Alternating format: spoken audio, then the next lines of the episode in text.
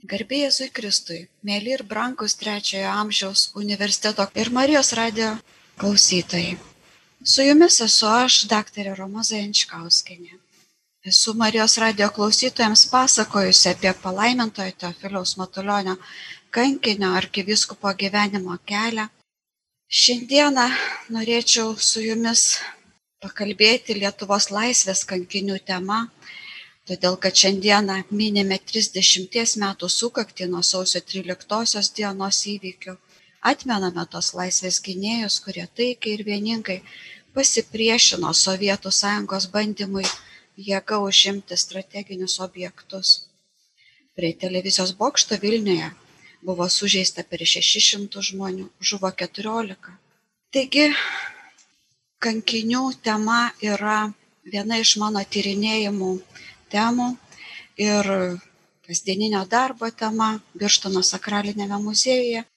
Na ir visų pirma, galbūt norėčiau pradėti apie man geriausiai pažįstamą kankinį, apie palaimintąjį arkiviskupą Teofilių Matulionį, kuris buvo be baimės, ryštingas tikėjimo liudytojas ir gynęs, mylėjęs Lietuvą įvairiais savo gyvenimo laikotarpiais.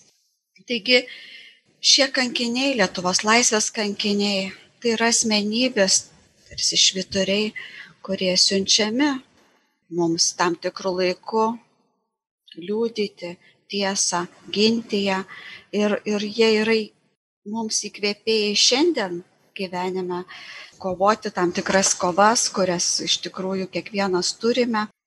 Pati kankinystė giliaja prasme yra krikščioniško gyvenimo paradigma. Kristus savo sekėjus juk drąsino sakydamas, kai persekioja mane, tai persekios ir jūs.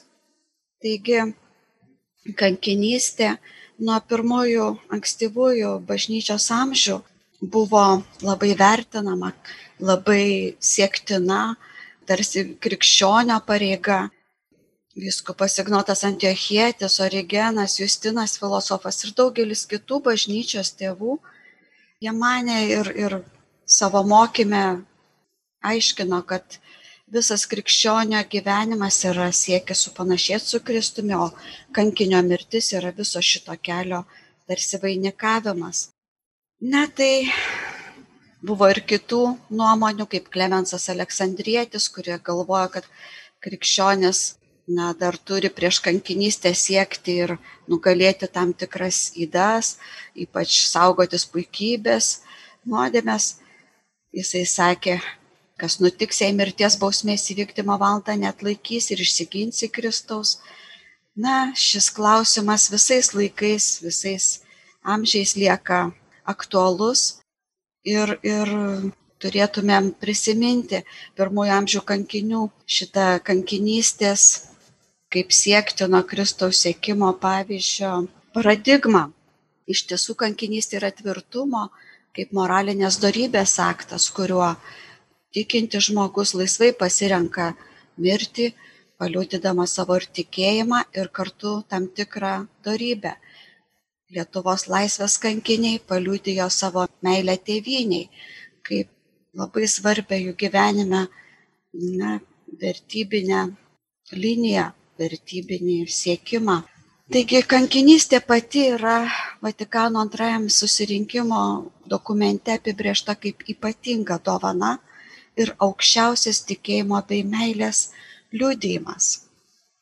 Mes Lietuvoje šiandieną daugiau galbūt pažįstame tuos kankinius, kurie yra 2000 metais popiežiaus Jono Paulius II įtraukti į martirologą. Tai kankinius e, Dievo tarnus, viskupą Vincentą Borisevičių, arkiviskupą Mečislovą Reinį, merginas Adelę Dirsytę, Eleną Spirgevičiūtę ir kitus kandidatus į palaimintuosius. Vis tik e, atkreipkim dėmesį į palaimintojo Teofiliaus vieną teiginį, kuriame labai ryškiai jisai pasako, kas yra esmė turbūt kiekvieno kalėjusio dėl tikėjimo, kiekvieno pasirinkusio aukščiausią tikėjimo ir meilės liūdimą žmogaus. Teofilius Matuljonis iš Mordovijos tremties po savo nuotrauką yra įvardyjęs tokį dviejų žodžių įvardymą davę savo - laisvas kalinys. Būdamas nelaisvėje, jisai galėjo pavadinti save laisvu. Taigi laisvės e, vertybė kaliniui, kovojančiam Lietuvoje už tam tikras savo vertybės, tikinčiam žmogui yra labai svarbi darybė. Ir liudininkai mini palaimintojo Teofiliaus Matulionio, na, tokius žodžius, kuriuos jisai išreiškia taip pat kančios akivaizdoje, kalinimo patirtyje. Aš dėkoju Dievui, kad galėjau kentėti dėl Kristaus. Tuo parodydamas, kad jis puikiai suvokė savo kentėjimo esmę, suvokė, kad jis nebijo sunkumų, persekiojimų, kartu sugeba džiaugtis dėl tekusio išbandymo ir netgi dėkoja Dievui už šitą išbandymą kančios, kankinystės. Jisai kitoj vietoj labai gražiai yra pasakęs, kaip pamatai, koks geras viešpats. Atsiuntė mus ten, kur avys, ten ir ganytojai. Taigi kankinystė buvo Teofiliaus Matulionio ne vienos akimirkos apsisprendimas, bet visą jo gyvenimą trunkantis asmens apsisprendimas ir pasiryžimas sekti, nebijant savo aukos, nebijant atiduoti save mirčiai. Šiandieną daugelis girdėsime, mąstysime apie 14 žuvusiųjų sausio 13-ąją, jų vardus prisiminsim, jų gyvenimo epizodus, labiausiai įstrigęs epizodas man pačiai tai yra loretos asanavičiūtės atvežtos į ligoninę. Vaizdas jauna trapi graži mergina. Su atrodo kad lyg ir padėtomis šalia kojomis kurios buvo visiškai sutraiškytos toks išliko mano bendramžės vaizdas žiaurios nakties ir jos girdėtas švelnus balsas kur ji kalbėjo dar prieš porą valandų prieš mirtį apie savo ateitį su gydytojais. Ši mergina, kaip ir kiti sausio 13-ąją žuvę, buvo kupini meilės Lietuvai. Jie mėgo dainuoti lietuviškas dainas, jie lankė folklorinius ansamblius. Titas Masiulis turėjo hobį fotografuoti, kelionės, mėgo keliauti į kalnus, yra jo lygia nuostabios nuotraukos ir tai rodo, kad tai buvo, na, žmonės jauni su savo lūkesčiais, su savo idėjomis, su savo begaliniai dideliu idealizmu, koks ir būdingas jauniems Lietuvos žmonėms, jaunimui. Jie turėjo vilti, kad kuria Lietuvą, svajojo jie kurti savo darbus, savo prisidėjimus, o žiniomis, na ir atėję ginti, saugoti televizijos bokšto, aukščiausios tarybos rūmų, jie visiškai negalvojo apie savo tokį tragišką, greitai be pasibaigiančią gyvenimo gyją. Jie buvo dauguma tikinti žmonės, pasitikintis Dievu ir pasitikintis, kad ta vienybė lietuvio su lietuviu, ta malda, kuris klido iš jų lūpų visų vieningai stovint ir, ir ginant nepriklausomybės strateginius objektus, giesmės ir dainos bus ta jėga, kuri padės kovoti prieš sovietinės okupacijos brutalią jėgą.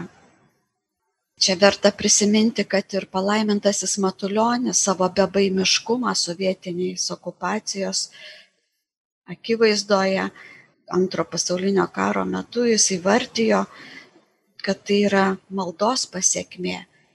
Jis pasakė tokius bičiulių žodžius, kad kai aš melžiuos, aš nieko nebijau. Taigi ši mūsų tautos didvyrių Lietuvos laisvės kankinių liūdėjimas šis parodo, kad vertybėmis gyvenantis žmogus, tikintis žmogus nebijo aukoti savo gyvenimo ir kai tėviniai Lietuvai reikia jo aukos, jos neatsisako. Apie aukos dėl Lietuvos gilumą labai gražiai yra parašė savo dienoraštyje palaimintasis Jurgis Matulaitis dar 1918 m. spalio mėnesį. Užrašuose jisai rašo, kad atvyko pranešti man kunigas profesorius Milkovskis, kad esu paskirtas Vilniaus vyskupu. Ir tą naktį, rašo jis, aš negalėjau miegoti, pajutau visą naštą, kuri ant manęs užgriuvo. Sunku man buvo bet reikėjo su dievo valia susitaikyti. Na ką gi jei lietuvai mano auka reikalinga aš neatsisakau bet žinokite kad jūs mane siunčiate į pražūtį. Pavojaus aš nebijau ir savo asmens nebranginu. Man tik baugu kad aš save paukosiu ir nieko negalėsiu padaryti. Citatos pabaiga. Ar palaimintasis jurgis yra kankinys? Klausite. Griežtąja prasme.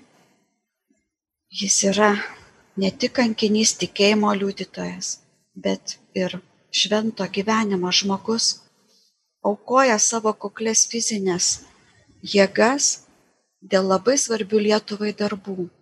Neturėdamas nei 56 mirė išsekęs nuo įtempto darbo.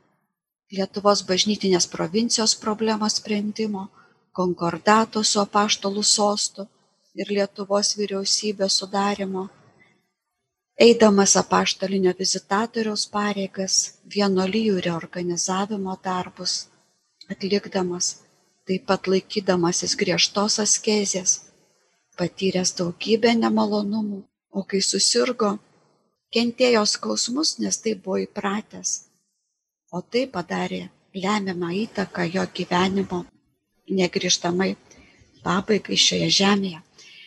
Taigi šio dienoraščio iš palaimintojo Jurgio Matulaičio eilutės rodo, kad apsispręsti aukotis nėra lengva. Netgi švento gyvenimo vyrui, kaip palaimintajam Jurgiui Matulaičiui. Šventasis Jonas Paulius II apaštališkajame laiške 2000-ųjų krikščionybės jubiliejinių metų laiške tvirtina, kad praėjusiame šimtmetyje Dievas pažadino daugybę šventųjų ir kankinių ir kad mes galbūt buvom perdėm įpratę galvoti apie kankinius kaip apie gana tolimą dalyką, tartum tai būtų praeitis, pirmiausia susijusi su pirmaisiais krikščioniškos eros amžiais, tačiau jubiliejaus atmintis atvėrė stebinantį reginį, parodė, kad mūsų laikai taip pat ypač turtingi liudytojų, kurie mokėjo gyventi pagal Evangeliją priešiškumo ir persekiojimo sąlygomis, dažnai liūdydami lygi kraujo praliejimo. Vienas italų tyrinėtojas Antonijo Soci savo knygoje Naujieji persekiojimai antikrikščioniškos netolerancijos naujajame kankinių amžiuje tyrinėjimas patvirtina šią popiežiaus nuomonę. Knyga išleista 2002 metais Italijoje ir jisai sako, kad krikščionybė ir šiandien yra viena iš persekiojimų labiausiai religijų žemėje. Pateikia skaičius, per 2000 metų beveik 70 milijonų krikščionių buvo nužudyta dėl tikėjimo ir 65 procentai buvo dvidešimtojo amžiaus kankiniai. Taigi, kankinystė dėl tikėjimo yra išties iš, išraiškingas ir gerėjimosi vertas mąstymas apie tų kankinių drąsą, ryštą, ištikimybę. Na ir skaičiai visada yra sausa statistika sąrašai be konkrečių gyvenimo istorijų nepaliečiam žmogaus širdies. Taigi 20 amžiaus martirologijos lietuvių kankinių sąrašas, talpinantis 114 tikėjimo kankinių ir prieš 30 metų 14 žuvusiųjų už Lietuvos laisvę kankinių sąrašas yra tik sąrašas statistikos, bet būtina pažvelgti į šios žmonės, į šių didvyrių vardus, į jų gyvenimą, į jų jaunystę, svajonės ir viltis. Šie žmonės yra tikri Lietuvos žvaigždyno spinduliai. Tai asmenybės su tvirtomis krikščioniškomis ir bendražmogiškomis vertybėmis. Jie keliaudami, pasirinkę savo gyvenimo kelią, be baimės stoti, ginti Lietuvą, jos laisvę, tuo pačiu jie vykdė ir Dievo valią savo gyvenime ir viešpati pašlovino. Jie save padovanojo, išsižadėdami vieno brangiausių dalykų Dievo dovanų išsižadėdami savo gyvenimo. Ir tuo pačiu įrodė, atskleidė, kad gyvybės išsaugojimas nėra ta absoliuti vertybė. Kankinys žino, kad mirtis nėra pabaiga. Kaip sakoma mišių liturgijoje, nauja pradžia.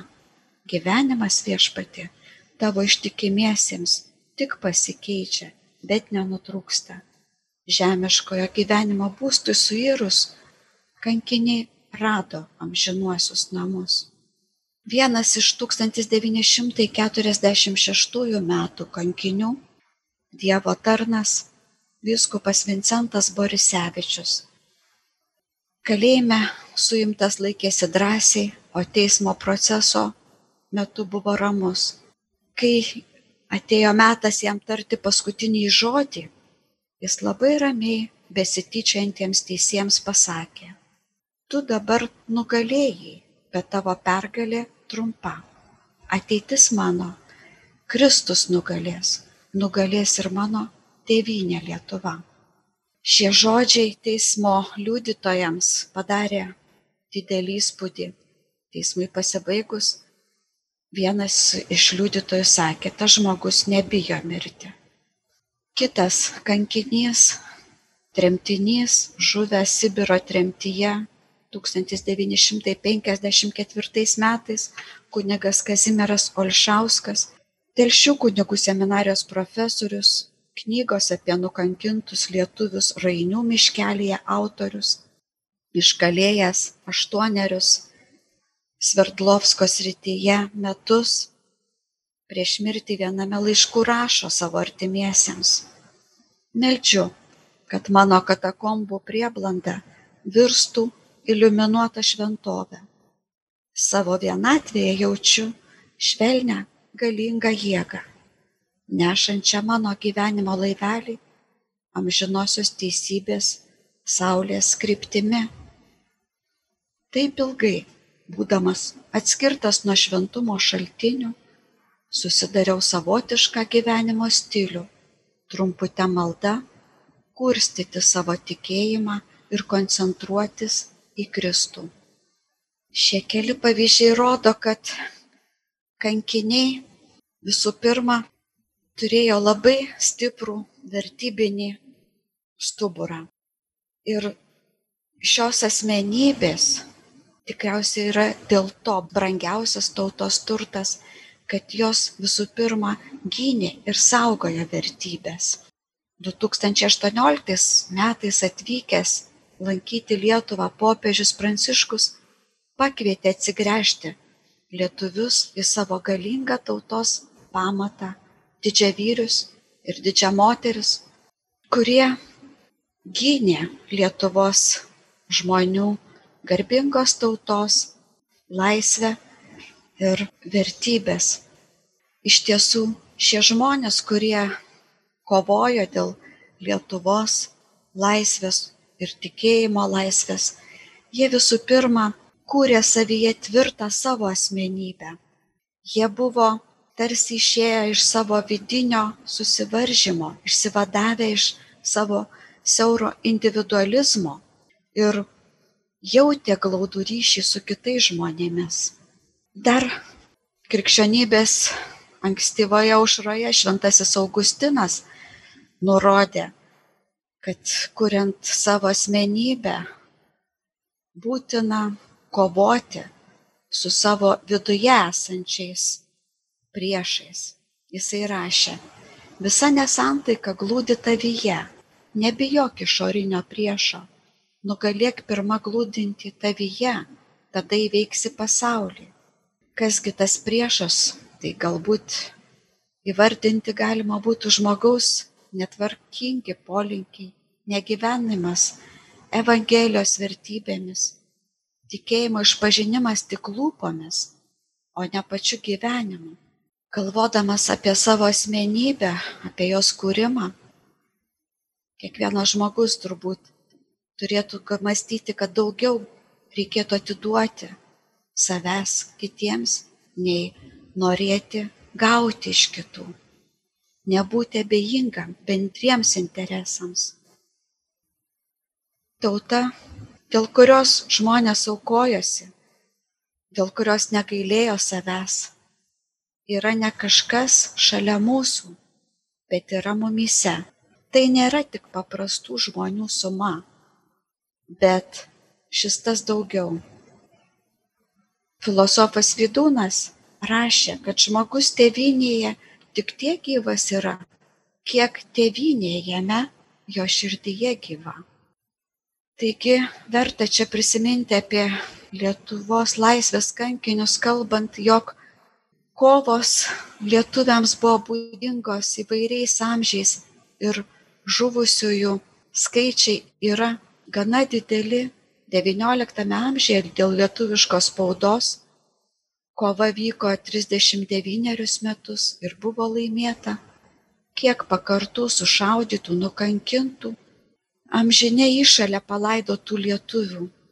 Tai mūsų proseneliai. Seneliai tėvai, dėdės, broliai, seserys, motinos.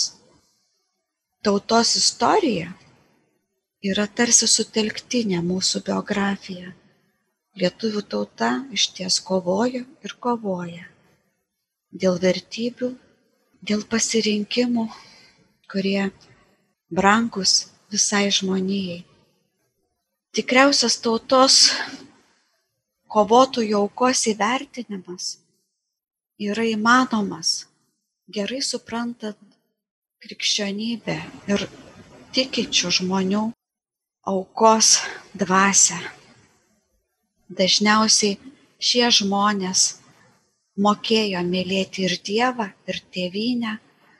Ir kritinėse situacijose, akistatoje su mirtimi, visada turėdami pasirinkimo galimybę, jie žinojo, ką pasirinkti. Pasirinkimas tarp gėrio ir blogio, tarp prisitaikėliškumo ir principingumo, tarp laikinų įgeidžių, patenkinimo ir aukos tarp dvasios gyvybės ir dvasios mirties, tai yra kiekvienos asmenybės pamato pasirinkimai. Šie kankiniai tai yra tylūs tautos dvasinės stiprybės liudytojai. Liudytojai, kurie nešaukia aikštėse ir kalba ne žodžiais, o gyvenimu. Japonai turi nuostabią patarlę. Gilios upės tyliai teka. Šie drąsūs žmonės, jų gili meilė tėviniai, tautai buvo įrodyta pasirinkimu eiti, ginti ir mirti. Gyvenimo principus turėjo tvirtus, gilius ir pastovius. Verta prisiminti lietuvių konslageryje kalėjusių, kaip ir kokią priesaiką kartotų žodžius kai buvo sunku, kai buvo neištveriamos sąlygos, jie kalbėjo. Citata. Darbo sunkumus pakelsim su auka ir ryštingumu, mielai ir su gera nuotaika. Su tavimi viešpatė. Nebus sunki jokia auka. Nebus nepakeliamas joks bandymas. Būsime ramus, kaip rami mūsų tautos dvasia ir giedrus, kaip mūsų tautos dangus. Taigi kankiniai už Lietuvos laisvę ir tikėjimą yra lietuvių tautos garbė. Didžioji bėda galbūt šių dienų Lietuvoje, kad tų didelių idealų stokojame. Stokojame žmonių, kurie galėtų aukotis ir mirti, kurie šitame amžinųjų vertybių nuvertinimo laikmetyje, tradicijų ignoravime išliktų tvirtais, giliai mąstančiais ir principingais žmonėmis. Šitam konsumizmo amžiuje, anot popiežiaus įvardintame kaip didžiausia blogybė šių laikų, yra sunku ugdyti asmenybę, sukurti asmenybę, nes yra daugybė tų vidinių priešų, kurie tarsi nori pasigvelbti tą jautrumą žmogaus asmens, minties gilumą, sieki subtilesnio gyvenimo. Asmenybių puoselėjimo ugdymo problema turbūt visais laikais yra aktuali, o ypač gyvenantiem 21 amžiuje. Lietuvos laisvė apginta skaudžia kaina. Tačiau šiandieną galbūt reikėtų klausti, ar tikrai esame laisvos Lietuvos kūrėjai. Ar turime vidinę viziją, padedančią skirti gėrį nuo blogio, tiesą nuo melo, nuoširdumą nuo veidmainystės? Ar ugdome savyje gilius jausmus, tyrą sielą, dorą sąžinę, galingą veržimąsi prie gėrio, tai yra žmogiškojo kilimo kelias, tai yra asmenybės ugdymo kelias. Šiuo keliu ėjo žmonės, kankiniai, kurie paukojo savo gyvybę už Lietuvos laisvę. Tai yra kelias, kuriuo turime eiti, siekdami savo paties ir visos žmonijos laimės. Ateitį kuria tik vertybiniai žmonės. Tad dėkojame Dievui už kankinių gyvenimą, už jų liūdėjimą. Prašykime malonės savo gyvenime panašėti į tas asmenybės, kurios mokėjo save paukoti vardantos Lietuvos. Prašykime malonės viešpaties, sekti jų pavyzdžių ir būti vertybiniais žmonėmis. Poetas Justinas Marcinkevičius sako, mūsų nepriklausomybės augalas gausiai palaistytas šventu jos gynėjų krauju. Amžinam gyvenimą ant Lietuvos patekėjo jų širdis, gyvensime ir kovosime jų šviesoje. Mes esam stiprus, kai mano ranka tavo rankoje, o tavo ranka jo rankoje šitoje visą Lietuvą apkabinusioje rankų grandinėje amžinai jausime jų žuvusiųjų rankas. Jie stovės kartu su mumis, kaip tą sausio 13-osios naktį, prieš tankus ir automatus, prieš tamsą ir smurtą, prieš begėdišką, melą ir šmeištą. Dievo apvaizda mūsų išties neplės, supraskime, kad vieni už kitus turime melstis ir išties Dievas palaima mūsų neapleis. Šitos mintys tegul paskatina mus drąsiai pasitikti išbandymus, šių laikų sunkumus, nebijoti jokių gyvybei grėsinčių lygų, nelaimių. Nesame vieni, esame su viešpačiu, esame jo globoje ir esame jo mylimi, mes turime pasitikėti, pasitikėti viešpačiu, kaip mokė šventoji Faustina, ir būti patriotai savo tautoje, savo šalyje. Tai visų pirma būti dorai žmonėmis. Dar truputį galima pridėti, jog pirmo pasaulinio karo metais taip pat kovojant dėl Lietuvos žmonės laikėsi labai ramiai išties susirinkę iš bažnyčios po pamaldų. Niekas nemėgino neišeiti. Tas 1941 m. birželis, rašo vienas kunigas savo dienoraštyje, tuo jau visi ėmėme stoti į darbą, ruoštis karui, sodė išsikasėme apkasus, kleboniją paruošėme jeigu iškiltų gaisras, gaisro pavojus, o patys ruošiamės įvairiem netikėtumam. Kitoje vietoje jis rašo, kad apkasuose tie, kurie ilgai nebuvo išpažinties, jie atliko. Iš ties aukos, pirmosios karo aukos, rašoma dienoraštė, kam nors reikėjo mirti ir šitie mirė pirmieji, kad daugelis kitų galėtų gyventi. Taigi visais laikais kankiniai už laisvę, jie buvo asmenybės su dvasios laisvė, laisvai save, savo gyvenimą paskyrė pašaukimui, pareigai, tėviniai. Tai žmonės, kurie supranta, dėl ko yra gimę ir dėl ko yra verta gyventi. Laidojant sausio 13-osios kankinius, poetas Justinas Marcinkevičius Vilniaus katedros aikštėje atsisveikinimo kalboje sakė, Lietuva pasilenkė prie jų ir užkloja juos amžiną laisvę. Tai pirmieji tikrai laisvi Respublikos piliečiai ir pirmosios mūsų nepriklausomybės aukos.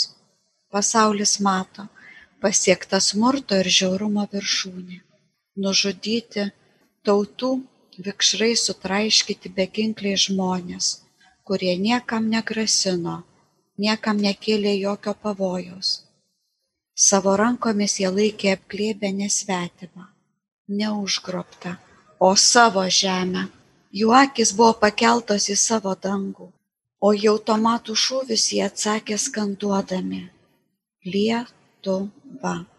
Jie krito su šiuo žodžiu lūpose, nunešdami jį prie Dievo kojų. Nedidelė Lietuva šiomis dienomis tapo vėl didelė. Ją iškėlė ir išaukštino žuvusiųjų didvyriškumas, dvasios tvirtybė, laisvės meilė. O Lietuva iškelia ir išaukština savo gynėjus, dar sėki patvirtindama, kad nemirtingumą ir amžiną šlovę suteikia tėvynė. Ne keršto šaukėsi mūsų širdis, teisingumo šaukėsi. Jeigu yra jis dar šiame pasaulyje, žmoniškumo, jeigu jis dar visiškai nesutryptas. Tegul žino nepriklausomybės priešai, kad savo tikėjime ir kovoje mes dar labiau sutvirtėjome, nes mūsų žuvusieji niekada neapleidžia mūsų. Jie pasilieka su mumis, jie paremia ne tik mus, jie paremia laisvę, teisingumą, demokratiją, visuotinius tiesos ir humanizmo principus. Su jumis buvo ir bendravo daktarė Roma Zajančkauskinė, Pirštono sakralinio muziejaus vedėja. Dėkojame už buvimą kartu, linkime džiaugsmo ir vidinės stiprybės, keliaujant laisvos Lietuvos keliu kasdienybėje. Garbė Jėzui Kristui.